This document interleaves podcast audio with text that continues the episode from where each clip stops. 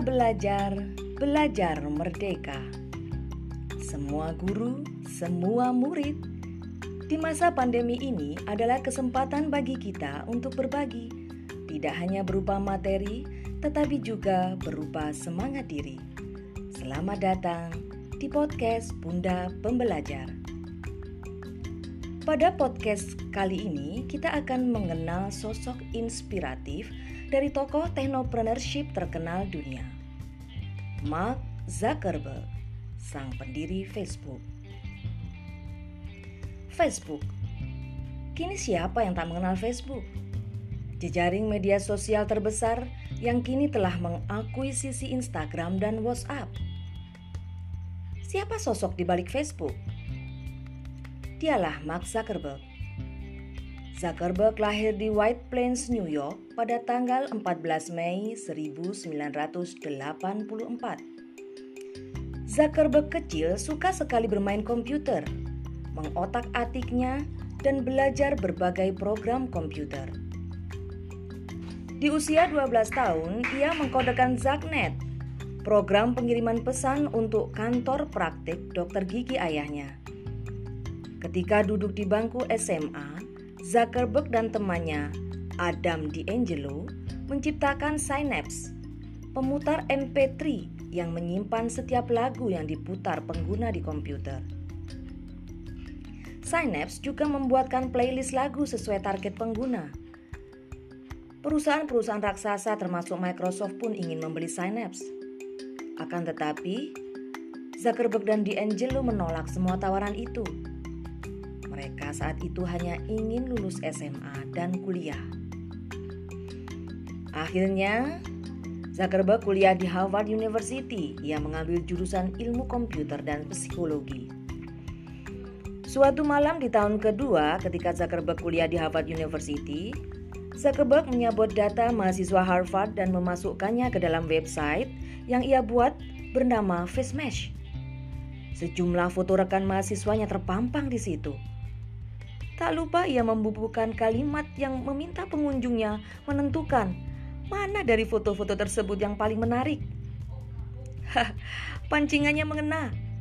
Dalam tempo 4 jam sejak ia meluncurkan website tersebut, tercatat 450 orang mengunjungi FaceMesh dan sebanyak 22.000 foto mereka buka.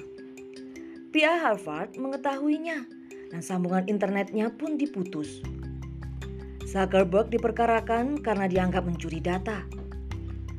Zuckerberg pun meminta maaf kepada rekan-rekan yang fotonya masuk di FaceMesh.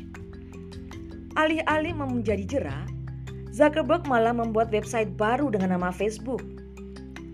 Website ini ia luncurkan pada Februari 2004. Facebook merupakan penyempurnaan dari FaceMesh. Sasarannya tetap sama, sebagai tempat pertemuan sesama mahasiswa Harvard. Dalam penjelasannya di website saat itu, disebutkan bahwa Facebook adalah suatu alat sosial untuk membantu orang berkomunikasi lebih efisien dengan teman, keluarga, dan rekan kerjanya. Facebook menawarkan navigasi yang mudah bagi para penggunanya. Setiap pemilik akun punya ruang untuk memajang fotonya, foto teman-temannya, serta melakukan banyak hal seperti bisa berkirim pesan dan lain sebagainya. Pengguna Facebook terus meningkat.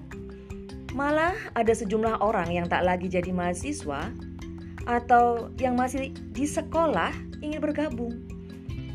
Tingginya desakan ini membuat Zuckerberg dan kawan-kawan memutuskan Facebook membuka jaringan untuk para siswa sekolah menengah pada September 2005. Tak lama kemudian, mereka juga membuka jejaring para pekerja kantoran. Kesibukan yang luar biasa ini membuat Zuckerberg terpaksa harus memutuskan keluar dari Harvard. Zuckerberg dan kawan-kawan kemudian mengembangkan Facebook lebih jauh lagi. Pada September 2006, Facebook membuka pendaftaran untuk jejaring umum dengan syarat memiliki email. Sejak itulah jumlah anggota Facebook melesat. Prestasi yang diraih Zuckerberg tak benar-benar mulus. Sejumlah perkara ia dapatkan sehubungan dengan Facebook. Termasuk dari rekannya di Harvard yang menyebutkan rancangan Facebook sebenarnya tiruan dari Connect You. Namun Zuckerberg tetap bergeming bahwa Facebook merupakan hasil karyanya. Meskipun Connect You kalah dalam persidangan pertama, perusahaan ini mendaftarkan gugatan baru pada Maret 2008. Pada awal tahun 2009, Mark Zuckerberg mendapat penghargaan Young Global Leaders. Usia Mark saat itu baru 24 tahun, tetapi ia bisa menghasilkan satu setengah miliar US dollar. Keberhasilannya ini membuatnya bertengger dalam jajaran 400 orang terkaya di Amerika versi majalah Forbes. Tidak hanya itu, dalam jajaran tersebut, ia juga didomatkan sebagai orang kaya paling muda. Pada tahun 2017, setelah 12 tahun drop out dari Universitas Harvard Amerika Serikat, Mark Zuckerberg akhirnya lulus kuliah dan mendapat gelar akademis bergelar doktor di bidang hukum. Lah, bukannya belum sarjana? Tidak perlu bingung. Sebab Gelar yang diterimanya merupakan gelar kehormatan. Jadi dia tidak perlu dipusingkan dengan skripsi maupun tesis untuk mendapatkan gelar dari kampus ternama tersebut. Gelar tersebut diberikan bersamaan dengan pidatonya saat membuka angkatan 2017 Universitas Harvard. Memberikan pidato pembuka kelas baru Harvard membuatnya kini sejajar dengan Bill Gates, bos Microsoft, yang juga drop out dari Harvard yang pernah memberikan pidato serupa satu dekade lalu. Demikian kisah sosok inspiratif kita hari ini. Sampai jumpa pada podcast selanjutnya. Tetap semangat. Salam Technopreneurship.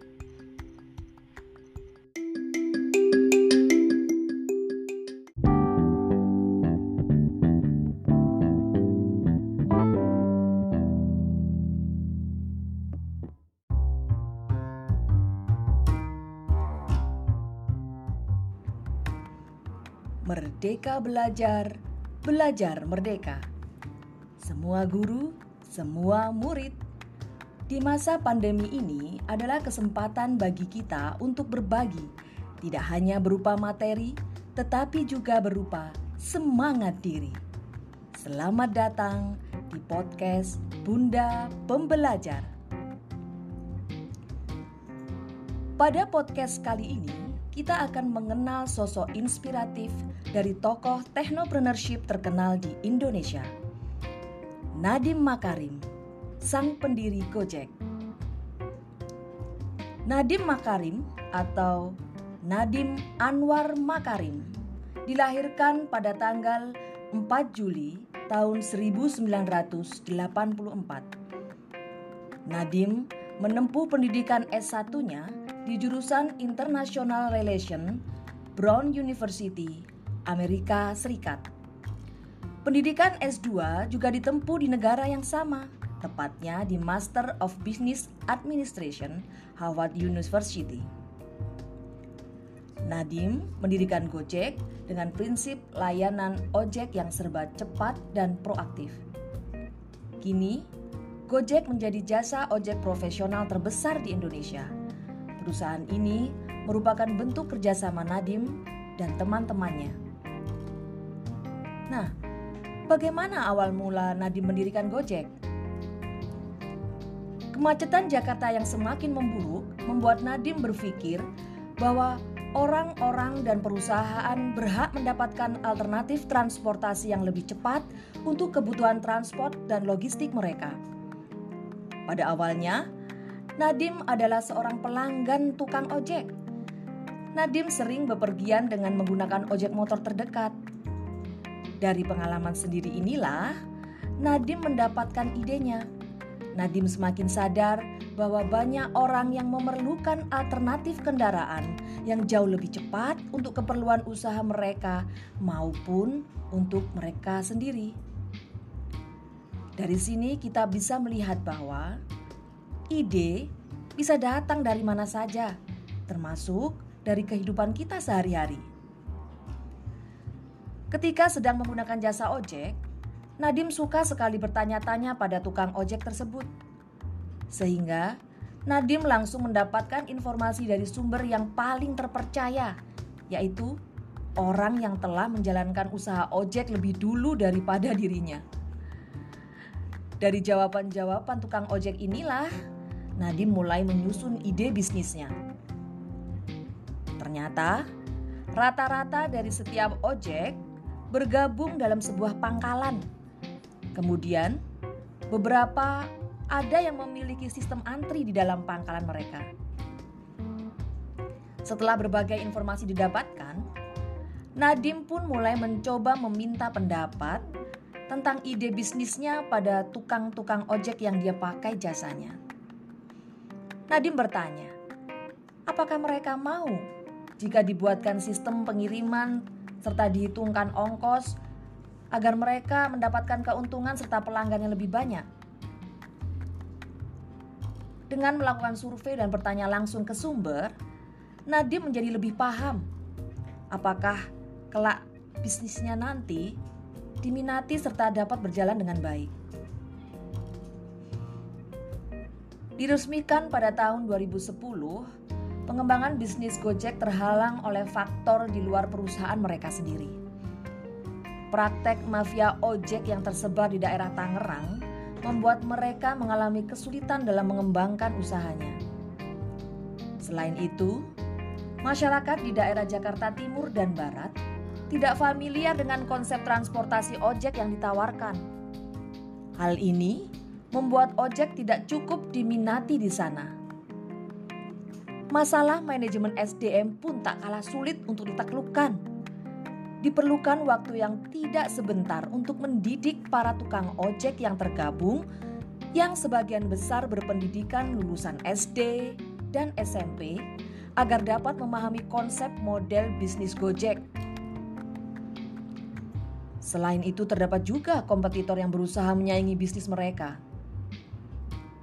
Belum lagi, belum adanya regulasi dari pemerintah membuat moda transportasi ojek online ini mendapat beragam tanggapan pro dan kontra dari masyarakat. Di tengah hambatan yang menghadang di sepanjang jalan, Nadim berserta rekannya terus berjuang. Mereka menganggap bahwa halangan merupakan pacuan bagi mereka untuk terus berinovasi dan memberikan yang terbaik Nadim memanfaatkan teknologi Google Maps untuk usaha Gojeknya. Aplikasi tersebut digunakan Nadim untuk mengetahui tujuan pelanggan dan menghitung ongkos pelanggan tersebut. Nadim merekrut tukang ojek yang sudah berpengalaman dalam bidangnya. Saat itu, Nadim hanya mencari tukang ojek yang paham betul dengan jalanan Jakarta pasukan ojek milik Nadim tersebar di sekitar 150 pangkalan di seluruh wilayah Jakarta. Armada utama terletak di kawasan Jakarta Selatan, Jakarta Pusat, di mana banyak pegawai kantoran di daerah tersebut. Dalam kegiatan operasionalnya, Gojek beroperasi dari hari Senin sampai Sabtu termasuk hari libur. Gojek terus memperbaiki sistem layanan mereka.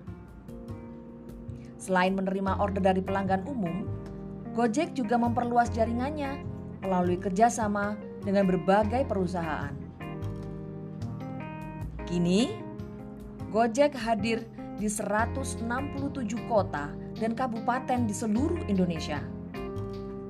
Gojek juga mengembangkan beragam varian dari layanannya, seperti GoFood untuk layanan pesan dan antar makanan, GoMart untuk pesan dan antar belanjaan, GoPay untuk layanan dompet digital, GoGift untuk layanan donasi digital, GoSend untuk layanan antar barang, dan beragam layanan positif lainnya.